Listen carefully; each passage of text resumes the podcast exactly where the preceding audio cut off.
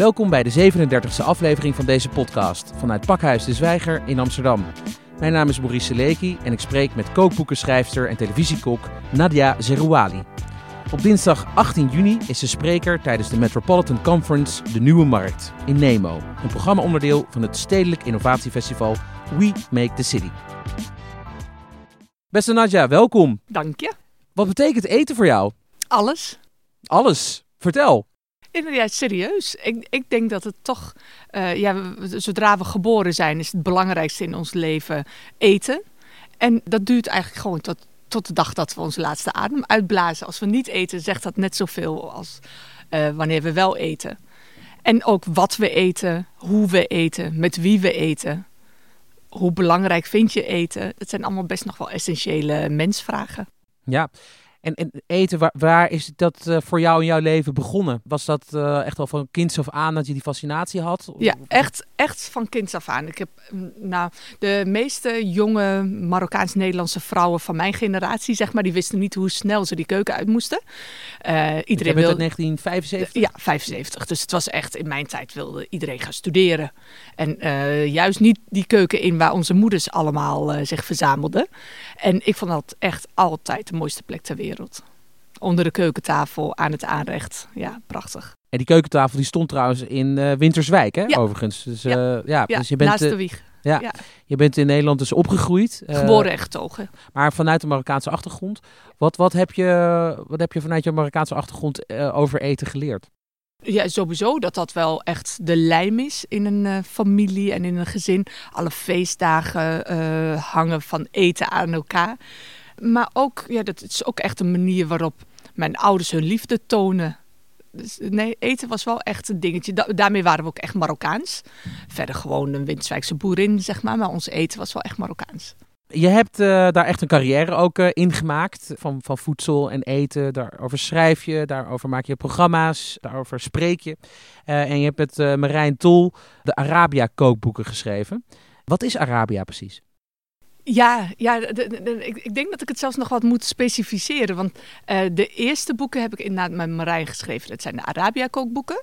Vervolgens heb ik met Marijn een productlijn. Nadia en Marijn zoekt dat nu bij de Appie ligt, zeg maar, met allemaal Arabische producten. Maar daarnaast heb ik ook nog eigen kookboeken geschreven. Eh, en die hebben eigenlijk altijd wel raakvlak, want er zit bijna altijd wel iets Arabisch in. En Arabia staat voor ons eigenlijk voor al die landen waar Arabisch de voertaal kan zijn of is. Dus Marokko is ook niet per se een Arabisch-Arabisch land. Het, is, het ligt in Noord-Afrika en eh, eh, de oorspronkelijke bewoners van Marokko zijn Berber. Maar toch is het een Arabisch land. En hetzelfde geldt voor, ehm, ja, voor mij doen eh, Israël, waar Arabisch ook nog een voertaal is. En hetzelfde geldt voor Turkije, waar een grote populatie in het zuiden, wat grenst aan Syrië, ook Arabisch spreekt. Maar ook in Iran, wat een Persisch land is, waar ze ook Arabisch-talig kunnen zijn. Weet je wel? Dus het is voor ons meer de taal. Ehm, maar daarmee kunnen we ook naar landen als Spanje, Italië, waar ook een Arabische eh, maatschappij ooit is geweest. En je merkt de het al- bijvoorbeeld in Spanje. de Moren in Spanje, in Italië, heel lang een groot Arabisch rijk geweest, van Sicilië tot aan eh, Puglia en zo. En eh, je ziet altijd dat ze hun sporen achterlaten, vooral in de keuken. De keuken en de eetcultuur, daar gaan we het eh, specifiek eh, over hebben. Je hebt al verschillende landen genoemd, dus waar die Arabische cultuur ooit eh, zijn, zijn wortels heeft achtergelaten. Dus het gaat aan de ene kant om taal, maar het gaat ook dus om die eetcultuur. Ja. Wat is er zo bijzonder aan de Arabische eetcultuur? Het, het, het was vooral al een eetcultuur voordat wij cultuur hadden, überhaupt bijvoorbeeld hier in Europa. Aten zij al in gangen, aten zij al echt feestelijke gerechten, hadden ze al linken tussen kunst en cultuur en eten. Dus eten was toen al niet alleen maar voeding, zeg maar. Dus, en dat is wat ik zo mooi vind aan die rijke Arabische cultuur. Want die gaat dus eigenlijk al wel duizenden jaren terug. Ja, ja echt. echt eh, gaat al, toen wij nog in de donkere middeleeuwen leefden, eh, combineerden zij tafelen met poëzie en wetenschap en astrologie en eh, geneeskunst. Die elementen die zijn natuurlijk voor een deel gewoon overgedragen aan, eh, aan de nieuwe generaties. Eh, kun je bijvoorbeeld eh, een element noemen waar je zelf door gefascineerd bent, wa- waarvan je eigenlijk al weet van nou, dit is echt door de, de, de tand des tijds heen nog steeds essentieel aan die Arabische eetcultuur? Nou ja, een, een eentje die uh, zeg maar voor Make the City vind ik wel heel mooi is. Het, het feit dat zij hun steden hebben kunnen voeden. Door echt hele vernuftige irrigatiesystemen te bouwen net buiten de steden. Waardoor zij de steden konden voeden van dichtbij. Hoefden ze niet van ver te komen. Het uitvinden van harde tarwe. Waardoor ze brood konden bakken en pasta's konden maken. Wat uh, lang bewaard kon blijven. Dus het, het ging nog best wel verder dan heel lekker eten of uh, mooie muziek voor bij het eten. Dus er was ook eigenlijk al een innovatieve voedselindustrie, om maar even zo te zeggen, ja, en, en, er werd over nagedacht. Zo van, uh, ja, als we een rijk willen stichten en we willen mensen voeden en we willen mensen tevreden houden, zeg maar, dan uh, moet je ook zorgen dat ze kunnen eten. Dus het feit dat wij in Europa al die prachtige amandelbomen hebben en sinaasappelbomen en olijfgaarden en zo, dat is allemaal omdat ze dat ooit bedacht hadden, dat je dat nodig had om mensen te kunnen voeden en om een maatschappij en een samenleving te creëren. En daarnaast dus nog gerechten die echt al echt zo lang bestaan. Couscous, brood, pasta.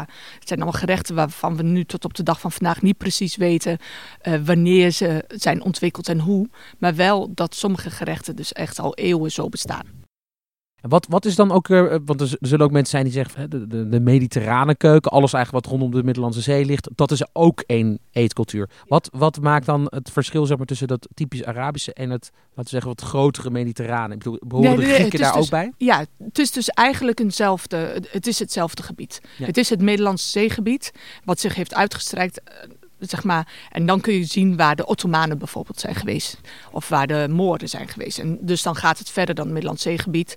Maar wij zeggen altijd wel, het is het mediterraan gebied. Want je ziet een overlap in alle ingrediënten. En dan moet je eigenlijk er nog bij rekenen dat die zijderoutes er zijn geweest. En dat zij een van de eerste waren die echt naar eh, China zijn gegaan. En die specerijen uit het uh, Verre Oosten hebben geïntegreerd in die Middellandse zeekeuken. En die, die specifieke ingrediënten, dat, dat zijn er echt wel een aantal. Uh, munt, safraan, uh, ja, nog meer noemen? Dus uh, gewoon van specerijen naar munt, naar amandelen, pistache, granaatappels. Producten en ingrediënten als olijfolie, of uh, oranje bloesemwater. Dat zie je echt. Ja, dat zie je door die hele keuken heen. De, wij zeggen ook altijd, er zijn net zoveel overeenkomsten als verschillen tussen bijvoorbeeld een Turkse keuken en een Marokkaanse keuken. Het ligt hemelsbreed natuurlijk ook wel heel ver van elkaar af. De ingrediënten overlappen elkaar, bereidingswijze, technieken, eetcultuur totaal niet. Dus je kunt echt heel goed zien waar ze zijn geweest en met wie ze interactie hebben gehad. Maar de basisingrediënten, die zijn eigenlijk wel hetzelfde. En de technieken um, van koken ook vaak. Dus je kunt bijvoorbeeld zien dat een gerecht een, uh, een Arabische oorsprong heeft als pasta of rijst in de saus wordt gegaard. Terwijl uh, de huidige moderne Italiaanse keuken bijvoorbeeld kook je pasta in water en maak je een saus apart. Dus je weet dat het een oud Arabisch gerecht is als het bij elkaar ingaat. Dus een risotto is een Arabische uitvinding. Ongelooflijk, want eh, heel veel mensen zullen dit waarschijnlijk niet weten. Want jij weet het omdat je onder andere met Marijn Tol het hele Mediterraanse gebied uh, bent afgereisd. Uh, daar ook mensen hebt geïnterviewd, daar ook mensen, met mensen hebt gekookt ter ja. plekke. Ja, ja onder andere. En ook uh, je merkt dat sommige culturen er nog wel heel erg aan hangen. Wij, ik vind Spanje altijd een heel mooi voorbeeld. Als je in Andalusië bent, dan ziet het er heel Arabisch uit en heel Moors uit qua architectuur. Maar in de keuken is dat best wel verloren gegaan, omdat ze toen onder dwang van de oorlogen daar uh, ging iedereen uh, varkensvlees in zijn eten stoppen om maar niet te laten zien dat je Joods of moslim was. Dus die keuken is best wel veranderd en daar herken je niet meer zo terug. Maar in Catalonië, bijvoorbeeld een streek rondom Barcelona, is nog een hele duidelijke Arabische invloed. En zij weten dat ook. Dus als je dus daar met de abuelas. ook uit. Ja, als je, als je daar met de abuelas, met de oude oma's praat en kookt, dan kunnen ze ook letterlijk zeggen: Dit is Arabisch, dit is influenza, Araba, Arabo. En zij weten dat echt veel beter dan in het zuiden van Spanje. Dus het is ook wel de culturen en de landen waar je bent, of ze, de, uh, of ze het heel erg bewaard hebben of niet. Ja, en of ze daar ook trots op zijn, om maar ja. zo te zeggen. Ja. Je hebt zelf een, een, een, Marokkaanse achtergrond, daar hebben we het al eigenlijk over gehad. Wat vonden uh, de Marokkaanse moeders in jouw omgeving ervan dat je deze verschillende eetculturen tot één begrip hebt verzameld? Dat jij hier eigenlijk uh, mee bezig bent gegaan? Ja, de, de, de meesten zijn eigenlijk alleen maar laaiend positief. Die vinden het alleen maar fantastisch dat je, zeg maar, zoals zij eigenlijk dat doen, dat voortzet. Dus de, eh, de liefde toont via eten en drinken en gastvrijheid. Weet je, dat, dat het kunnen de meeste Marokkaanse moeders en Arabische vrouwen in het algemeen wel echt waarderen. En natuurlijk krijg ik daarnaast altijd heel vaak van, uh, je kunt toch niet zeggen dat het Arabisch is, want we zijn Berber. Of je kunt niet zeggen dat het Arabisch is, want we zijn Feniciërs in Libanon. Of, uh, dat zul je altijd hebben. Maar ik, ik ben ook heel erg van, ik geloof niet zo in landsgrenzen. Ik geloof in de grond, in, in de aarde waar producten groeien en waar mensen wonen. Uh, dat zegt mij meer dan de door mensen en politiek opgetekende grenzen, landsgrenzen. En als ik met dat oog kijk naar keukens en naar ingrediënten, kan het echt heel makkelijk vloeien. En is het ook veel logischer. Is het overigens uh, ook een bedoeling van jou geweest om het uh, in elkaar te laten vloeien, om die overeenkomsten te tonen? Ja. Ja, ik vind het belangrijk om zeg maar, te laten zien dat we altijd geïmmigreerd hebben. Dat we altijd, dat mensen zich altijd verplaatsen. Uh, dat mensen uh, hun cultuur meenemen, daarmee andere culturen verrijken. En tegelijkertijd zijn dat de momenten waarop je dingen die je niet zo mooi vindt uit je cultuur kan loslaten.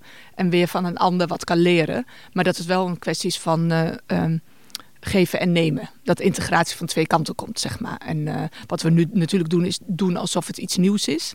Immigratie en immigratiestromen. En ook alsof het iets is waar we bang voor moeten zijn. Terwijl heel Nederland bestaat bij de gratie van, uh, van migratie. En niet pas sinds de uh, 50 jaar Marokkaans migrantenverdrag. Maar ver daarvoor al. Denk je dat eten ook een, een rol kan spelen in het bij elkaar brengen van, uh, van mensen? Ook over de grens van cultuur heen? Ja, ja daar geloof ik heilig in. Ik, uh, Immanuel Kant heeft dat ooit gezegd. En uh, ik citeer hem heel vrij hoor. Maar van als je met de elkaar. Duitse filosoof. Hè? Ja, de ja. Duitse filosoof. Als je met elkaar het brood gedeeld hebt, breek je wat minder makkelijk elkaars nek. En natuurlijk hebben mensen elkaar vergiftigd aan de eettafel. Maar in de meeste culturen om ons heen is samen eten en drinken en elkaar eerst leren kennen aan die eettafel. Daarna ga je pas zaken doen. En ook als jij je buren kent en met elkaar eet en drinkt, ja, dan heb je minder makkelijk ruzie. Ja, dat is gewoon zo. En natuurlijk kan er dan nog altijd kan de oorlog tussenkomen. Dat zeggen gemeenschappen waar altijd, um, of het nou um, het oude Joegoslavië is of een land als Libanon. Die ja, we waren met elkaar getrouwd van verschillende religies en culturen. En natuurlijk kan er dan nog een burgeroorlog uitbreken. Dus uh, het is niet 100% foolproof, maar we komen een heel eind. En, en, en ik merk dat als, als zeg maar, ik merk dat ik in mijn werk, doordat ik mensen een kijkje geef via het keukenraam en uh, een plekje geef aan de keukentafel, uh, dat ik wel de gesprekken kan voeren die ik heel graag wil voeren. En die gaan ook eigenlijk over meer dan alleen maar eten? Ja. Ja, ja, dat eten is eigenlijk zeg maar een hele fijne binnenkomen. Je kunt daarmee zien dat je nieuwsgierig bent naar iemand of dat je iemand echt wil leren kennen en uh, open staat. Vervolgens geef je iemand het vertrouwen dat je zijn, eten, zijn of haar eten durft te eten. Uh, je geeft het vertrouwen dat je jouw tijd aan die persoon wil schenken, want je bent toch best wel een paar uur met elkaar bezig. En vervolgens kom je tot de meest mooie open gesprekken. Waarin echt alles aan bod kan komen. Of nou seks is of politiek of uh, religie. Alles, alles komt eigenlijk aan tafel te sprake. Wat dat betreft ben jij zelf even eclectisch als die gespreksonderwerpen. Want je bent in al deze dingen ook geïnteresseerd. Is er wat jou betreft een, een vraagstuk wat op dit moment het meest urgent is. Waar we eigenlijk allemaal aan de eettafel over zouden moeten praten? Ja, ik, ik vind duurzaamheid. En dan, dat is natuurlijk een heel breed ja, bijna wit elitair begrip aan het worden. Maar het is wel gewoon heel belangrijk. Dus ja, ik, ik geloof dat dat nog wel iets is wat, wat vaker aan de eettafel met, met kinderen, met ouderen, met, uh, met je buren, met familie gewoon echt besproken moet worden. Omdat er geen pasklare antwoorden zijn. Dus we hebben het nog niet uitgevonden. We weten niet hoe we het nog moeten gaan doen. Dat moeten we met elkaar gaan uitvinden. En ja, ik kijk naar jou en ik denk, jij bent ook niet helemaal alleen maar Nederlands. Dus, ja, dus ik weet niet wat erin zit. Maar jij gaat niet opeens alleen maar aardappels eten met prei. Of uh, boerenkool. Dus de, jij wil misschien iets Indisch of iets Moluks. Ik weet iets niet. Moluks, iets ja, Antilliaans, ja, iets, uh, iets, Javaans. Iets ja, dat wil je echt, ja. echt nog wel blijven eten ook. Maar liever waarschijnlijk zonder dat je de planeet naar de verdoemenis helpt. Zeker. Nou, ja, dus al dat soort dingen, dat leeft bij mij ook. En ik denk als het bij mij leeft, leeft het bij heel veel mensen. Je noemde het net al, want dat was ook een vraag die ik eigenlijk voor later had bewaard, maar laten we daar dan meteen uh, naar vooruit spoelen. Hè, het gesprek over duurzaamheid, het publieke gesprek, lijkt af en toe wel een, uh, een wit, hoogopgeleid en randstedelijk feestje in Nederland. Ja. Uh, hoe krijgen we dat vraagstuk inclusiever? Hoe, hoe zorgen we ervoor dat er meer mensen meedoen? Ja, ik denk toch ergens laten weten aan iedereen dat we ermee bezig zijn. Dus niet soort paternalistisch bijna denken dat zij alleen maar bezig willen zijn met uh, diabetes of met, uh, wat is het, waar ze nu heel erg wel uh, mee aan de slag gaan. Dus echt letterlijk erbij betrekken. En de ander wijzen op zijn verantwoordelijkheid dat hij onderdeel is van de Nederlandse maatschappij. En dat dit een discussie is die we met z'n allen moeten voeren. Dat is een beetje twee kanten op. Gewoon eerst wel natuurlijk de boodschap daar brengen. Dus ik kan me voorstellen dat er manieren zijn waarop we het nu doen, dat ze daar nooit komen. Kijk, ik weet van de Pakhuis van de Zwijgen, ze bestaan af. Uh, ik sta er open voor, ik word ervoor gevraagd. Uh, mijn hele vriendenkring is hiermee bezig. Ik kan me voorstellen dat als je in Amsterdam-West uh, ergens achter zit, dat je niet per se weet dat dit er allemaal is. Dus eerst zorgen dat ze het weten. En daarna ze er ook echt letterlijk, ze er letterlijk op wijzen dat dit een gesprek is waar we met z'n allen aan mee moeten doen. Ongeacht je afkomst, ongeacht je leeftijd, ongeacht uh, uh, je uh, plek op de sociale ladder. Dus die awareness, die bewustwording, dat is eigenlijk de eerste stap om het gesprek inclusiever te maken. Ja, en, en ook, um, kijk, als het alleen maar gaat over vliegtuigtickets bijvoorbeeld. Ja, met mijn ouders hebben we dan, heb ik daar een ander gesprek over. Mijn, ouders, mijn moeder wil gewoon naar haar moeder toe. Weet ja, je? Dus in die Marokko. Is, in Marokko. Dus die is alleen maar blij dat die vliegtuigtickets eindelijk een beetje betaalbaar zijn geworden. Dus dan moet je niet het gesprek gaan voeren puur uh, over vliegtuigtickets. Maar mijn moeder koopt misschien wel elke week twee bossen verse munt. Rechtstreeks uit Marokko. Die munt is heerlijk. Die vind ik ook echt de lekkerste munt die er is om Marokkaanse thee mee te zetten. Maar zij weet niet dat dat in grote dozen, in busjes elke dag op en neer van Marokko naar Amsterdam komt. Ze weet niet dat die munt gigantisch bespoten wordt om zo groen geoogst te kunnen worden dat het naar Nederland kan komen en hier kan blijven. En ik denk dat soort dingen dat je met voorbeelden moet brengen waar zij wat aan hebben. Dat uh, ik ben erachter gekomen door onze productlijn dat de specerijen in Marokko echt wel misschien wel 40 keer te hoog zitten in pesticiden, waardoor het nooit Europa in mag. Weten zij dat dat de specerijen zijn die zij met veel liefde koopt als ze in Marokko is. Want zij denkt dan dat het beter is dan de specerijen die we hier in Nederland kunnen krijgen. Omdat ze lekkerder ruiken, omdat ze net vers gemalen zijn. En ik denk dat je ook mensen zoals mijn moeder of um, mijn zusjes, die bijvoorbeeld helemaal niet zo culinair geïnteresseerd zijn, toch makkelijker kan bereiken. Ook voor dit soort moeilijke vraagstukken, als je het houdt bij de producten die ze kennen. En moet dat dan ook uh, op een andere manier? Misschien wel in een andere taal of, met, uh, of dat, dat, makkelijker maken of, met andere voorbeelden of al andere rolmodellen? Nee, ik denk eerder andere rolmodellen, andere voorbeelden. Nee, de taal niet, want de meeste tweede, derde generatie ja, dubbele plus Nederlanders, zeg maar, die, uh, die spreken gewoon meer dan goed Nederlands. En die doen meer dan goed mee in de Nederlandse maatschappij. Dus die, die moeten op andere manieren bereikt worden. Maar de manier waarop het nu gebeurt is vaak nog een soort van wij zij en niet ons Nederland. Nou ja, je noemde inderdaad al dus die productieketens. Is het, uh, is het überhaupt nog mogelijk om zeg maar echt exotisch te eten? Dus laten we zeggen Aziatisch of, of Arabisch. Met gebruik van lokale uh, producten. Dus producten die hier in de buurt in Nederland worden gemaakt. Ja, ik zou willen dat ik het antwoord ja kon geven, omdat we in Nederland zoveel dingen heel goed kunnen. Maar ik heb een keertje voor zo'n groen tv-programma, ik weet niet eens meer welk programma het was, Thaise basilicum geproefd die hier ingevlogen werd uit Thailand en Thaise basilicum gegroeid hier in Nederland in de kas. Ja, het is gewoon echt niet lekker. Het is gewoon nog niet, niet op het niveau. Nee, het is gewoon niet net zo lekker. En dat geldt voor echt heel veel producten. En ik, en ik moet ook in alle eerlijkheid zeggen, voor mij geldt ook nog steeds lekker als het allerbelangrijkste uitgangspunt. Als het niet verrekte lekker is, dan uh, ga het niet eten. Of dat nou geldt voor de uh, vleesvervangers, of dat het geldt voor groenten, of dat het geldt voor fruit, of voor kruiden. Of voor... Ook ik bezwijk voor de Marokkaanse munt, wetende dat die gigantisch bespoten die is. Pesticiden, en, ja, ja, En, en dan alleen het enige wat ik dan doe, is dat ik het niet meer elke week standaard koop in mijn boodschappen. Maar dat ik dan af en toe denk van ja. Oh.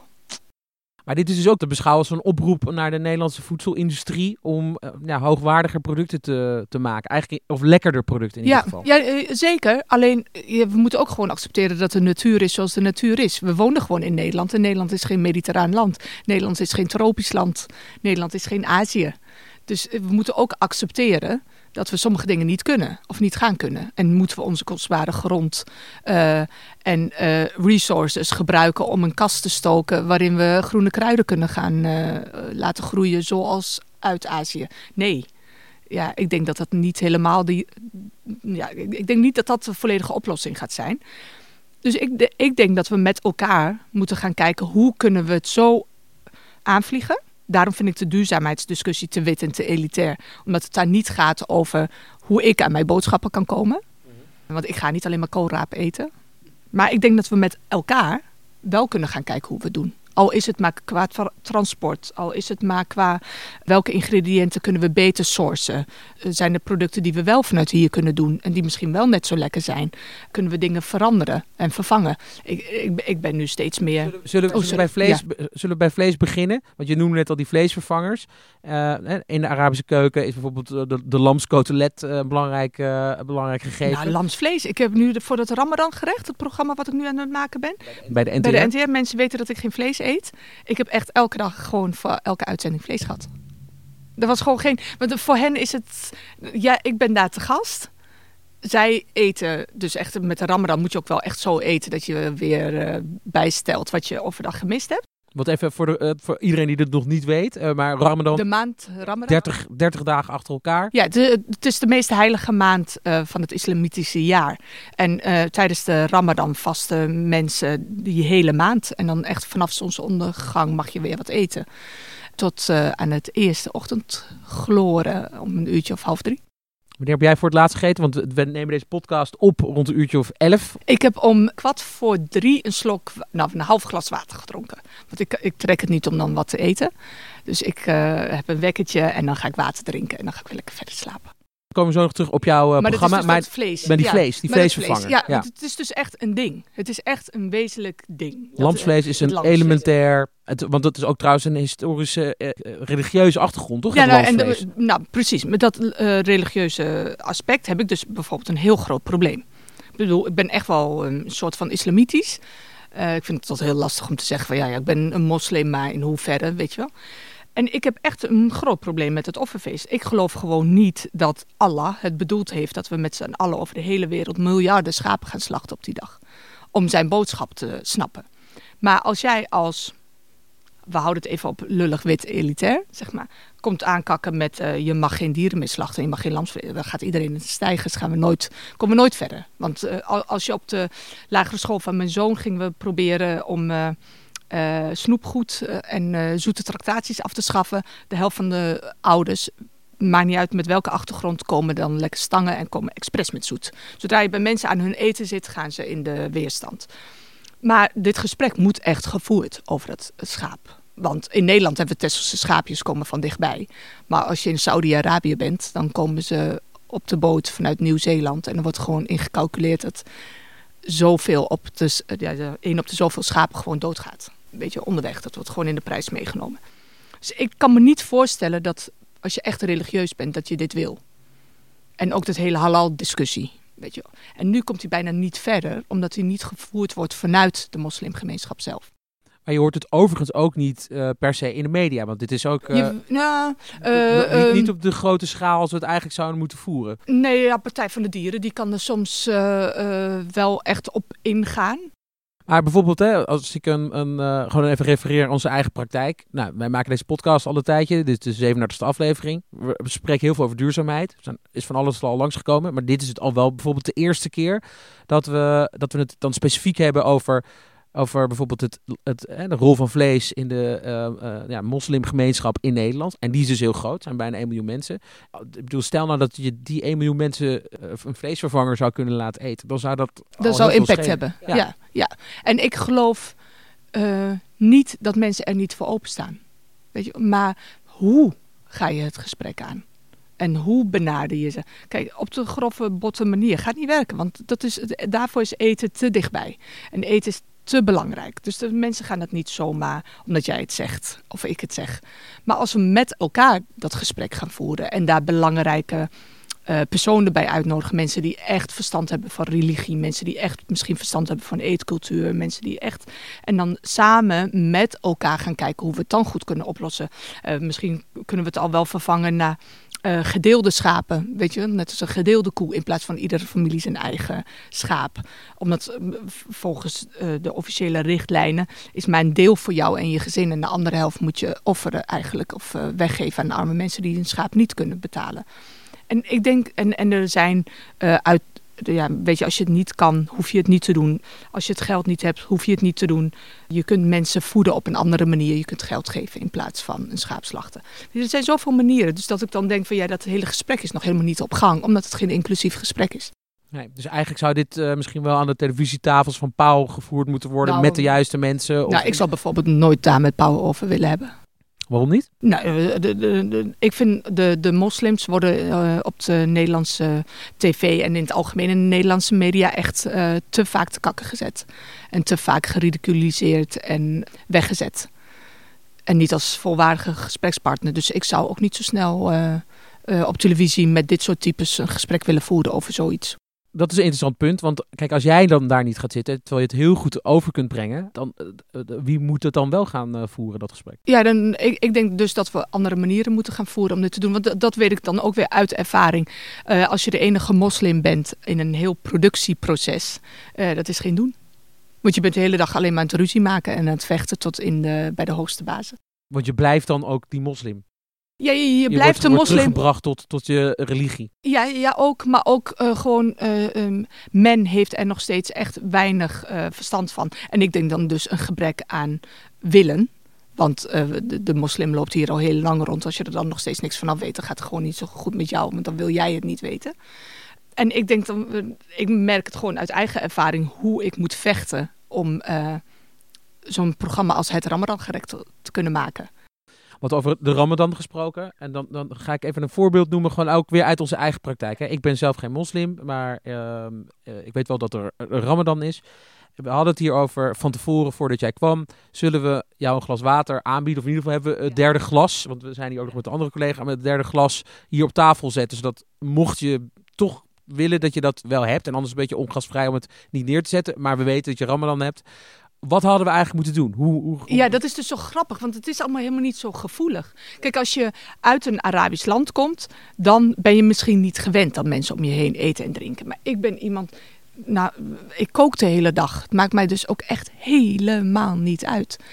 Dus die, de moslims die ik ken, die gaan gewoon mee lunchen, die gaan gewoon mee koffie drinken. Alleen dan eet je en drink je zelf niks. Maar het doet mij echt helemaal hetzelfde. Eigenlijk zeg ik altijd als stoppen met roken. Als jij zelf wil stoppen met roken, maakt het niet uit wat een ander doet. Als je niet wil stoppen met roken, dan ben je heel erg vatbaar voor een ander die een sigaretje opsteekt. En dan zeg je, oh mag er ook eentje bietsen van je.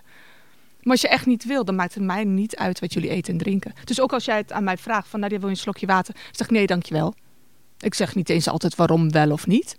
En als mensen zeggen, oh nee, sorry, jij mag niet. Zeg nee, ik mag wel, ik wil niet die Ramadan. Want dat, dat, daar maak je dus nu een programma over. Uh, het Ramadan gerecht, waarbij je dus bij mensen op bezoek gaat die uh, een, een Ramadan gerecht bereiden. Wat, wat zijn de, de interessantste dingen die je bent tegengekomen? Ja, dus elke dag lamsvlees. die vond ik echt heftig. Bestaan er überhaupt uh, vegetarische ja, ja, ja, er zijn ook echt wel groeperingen als de groene moslims en zo die daar heel erg mee bewust zijn. En er zijn vegan moslims van over de hele wereld. En nee, dat, het is absoluut wel iets natuurlijk wat steeds meer speelt. Maar uh, nee, de, de Ramadan is best wel een heel interessant gegeven als in het algemeen. Want het is voor mij ook echt iets van. Um, ik vergelijk het, je moet soms Janneke taal doen, echt als kerst. Maar dan een maand lang, omdat wij alles altijd graag overdrijven. Maar een, maand lang kerst. En daarvoor hoef je niet elke dag naar de, kerk, naar de kerk te gaan. Of elke dag, uh, elke zondag te biechten. En dan nog kun je wel vol overtuiging kerst vieren. En dat is hetzelfde eigenlijk met de maand Ramadan. Ook al ben je niet iemand die uh, met een hoofddoek rondloopt of vijf, dagen per, uh, vijf keer per dag echt bidt, kan de Ramadan nog een hele zinnige, zinvolle, uh, fantastische maand zijn. Die mensen wel echt oprecht doen. En ik heb jaren gehad dat ik er niet echt aan meedeed of alleen maar als ik bij mijn ouders was. maar ik heb vroeger ook altijd vlees gegeten en nu ook niet. En ik ben ook weer geen hardcore vegetariër, want als ik, ik vind gasvrijheid belangrijker. Dus voor mijn ouders maak ik vis klaar. En uh, als ik bij mensen ben die mij ontvangen en ik ben daar te gast, ga ik niet zeggen van ik ga jouw bouillon niet eten, want er zit vlees in. Weet je, dat soort... Uh... Koning Willem-Alexander is uh, onlangs uh, voor het eerst aangeschoven bij een iftar in Den Haag. Ja. Wat vind je van zo'n gebaar, van zo'n statement? Ja, dat vind ik dus fantastisch. En, en ik meen dat omdat ik ook ik, ik, geloof ook niet zozeer dat mensen mee moeten doen met de Ramadan. Een dagje of twee. Ja, in de winter is dat leuk. Maar ik heb vorig jaar met Jannie van der Heijden een dag, die is een dagje met mij mee gaan vasten. televisie uh, persoonlijkheid in de culinaire wereld. ja. Maar, en, en, ze is gewoon een goede vriendin van mij. En ze vond het echt leuk om een dagje mee te doen.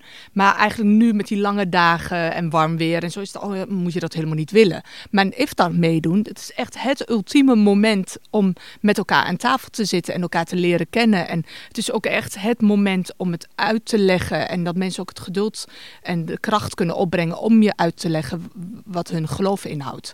En er zijn op zoveel plekken nu in Nederland open tafels waar je gewoon aan kan schuiven juist als je nieuwsgierig bent, juist misschien wel als je vooroordelen hebt, ga lekker. En hetzelfde vind ik het de tijd waarin vanuit de moslimgemeenschap zelf ook nagedacht kan worden over hun eigen vooroordelen. Want als ik niet wil eten of kan eten of wil eten of wat dan ook, dan uh, krijg ik te blikken van de Marokkaanse vrouwen buiten op straat die prima in mijn nek. Zo van waarom eet jij een ijsje? Want het is Ramadan. Terwijl zij weet niet waarom ik wel of niet aan de Ramadan. Ze weet helemaal niet of ik wel moslim ben, ja of nee. Ze weet niet of ik ziek ben. Ze weet niet of ik menstrueer. Of, er zijn zoveel redenen. Dus ik vind de, de niet-moslim is dit het uitgelezen moment om elkaar te leren kennen aan die eettafel. En voor de moslim is dit het uitgelezen moment om zijn eigen vooroordelen even onder de loep te nemen en ermee aan de slag te gaan je merkt dan toch wel dat de mensen die die uitnodiging durven aan te pakken, dat dat nog een kleine groep is. Maar eh, de, de uitnodiging wordt ook nog niet heel breed per se uh, uh, gedaan. Uh, laat ik het maar zo zeggen. Mensen vinden elkaar misschien nog, nog te weinig. Wat zouden we kunnen doen om, om dat, dat breder te maken? Nou ja, ik vond echt afgelopen week alleen al had Nasser Char in de meervaart twee iftaravonden naar aanleiding van zijn voorstelling. Nou, dat moet je natuurlijk al wel cultureel zo openstaan dat je naar zijn voorstellingen in de meervaart gaat. En je dan ook nog inschrijft voor zo'n iftar. Maar er zat toch al met al, denk ik, 250 man op die twee avonden. Nee, uh, eh, 450 man op twee avonden.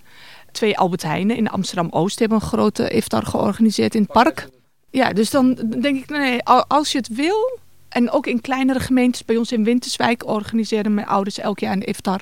Waar ook echt uh, burgemeester, wethouders en zo allemaal komen. En moslims uit Winterswijk, dus van de, uit de vluchtelingencentra tot uh, de Marokkaanse Turkse gemeenschap.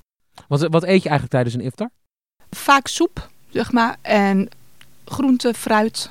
Dat is wel de, de, als ik zo, want ik ben nu bij uh, Oeigoerse moslims geweest, Syrisch, Irakees, Nederlands, Pakistaans, Turks, Marokkaans. Dus de soep, of het nou Marokkaanse harira is of Turkse linzensoep. Dadels, die komen standaard. Uh, je verbreekt het vaste met dadels. Je verbreekt het vaste met een glas water. De meesten hebben wel watermeloen fruit op tafel staan. En dan uh, ja, toch ook wel veel mensen met lamsvlees. Ik krijg eigenlijk ook een beetje zin in zo'n iftar. Uh, ja, het is ook echt lekker. Tijdens We Make City ben je een van de sprekers. De Nieuwe Markt uh, heet het programma. Wat is, het, wat is de boodschap die je, die daar voor het grote, grotere publiek uh, wil uitdragen? Ja, ik vind de markt juist een van de mooiste plekken in Nederland om zeg maar al die verschillende culturen te zien en al die verschillende producten. Dus ik vind het ook wel een heel tastbaar gegeven. Dus ze lopen daar allemaal rond, al die verschillende Nederlanders. En de, de marktkraampjes zijn gevuld met allemaal producten van over de hele wereld. Dus ik denk dat, ja, dat is echt het voorbeeld. Daar moet het over gaan. Zeg maar, wat gaan we eten met elkaar? Wat gaan we drinken met elkaar? Uh, hoe gaan we dit aanpakken? Het is een verantwoordelijkheid van ons allemaal, van alle kanten. En de markt uh, discrimineert niet. Het is, uh, de hipperts komen er, maar ook ja, de eerste generatie uh, Marokkaanse mama. Het fenomeenmarkt is al heel oud, maar wat zou de nieuwe, welke voorwaarden zou de nieuwe markt moeten voldoen? Ik bedoel, hoe kan die markt mee blijven gaan in die 21ste eeuw wat jou betreft? Ja, dus echt dat het de plek blijft voor, voor iedereen. Maar dat we wel echt heel goed moeten gaan kijken naar wie daar staan en wat ze verkopen.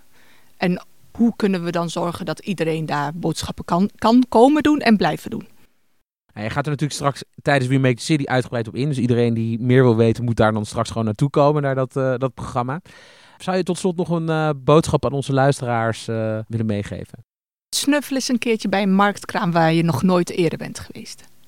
En die kan echt voor iedereen. Vraag wat ligt daar, wat kook je ermee, wat maak je ermee. Je krijgt de meest mooie gesprekken. Dankjewel. Alsjeblieft. Nadja Sirouali. Beste luisteraars, dit was de 37e aflevering van de podcastserie van Pakhuis de Zwijger. Van maandag 17 tot en met zondag 23 juni vindt de tweede editie van het Stedelijk Innovatiefestival We Make the City plaats in de metropoolregio Amsterdam. Op dinsdag 18 juni is Nadja Zerouali spreker tijdens de Metropolitan Conference De Nieuwe Markt in Nemo. Naast Nadja zijn ook de gast Carolyn Steele, auteur van De Hongerige Stad, en Thijs van Banning, oprichter van Landmarkt. Voor meer informatie over de programmering van We Make City kun je kijken op www.wemakethe.city.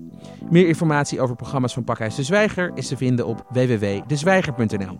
Een rating achterlaten of je abonneren op deze podcast kan via SoundCloud, Spotify, iTunes of een ander podcastplatform.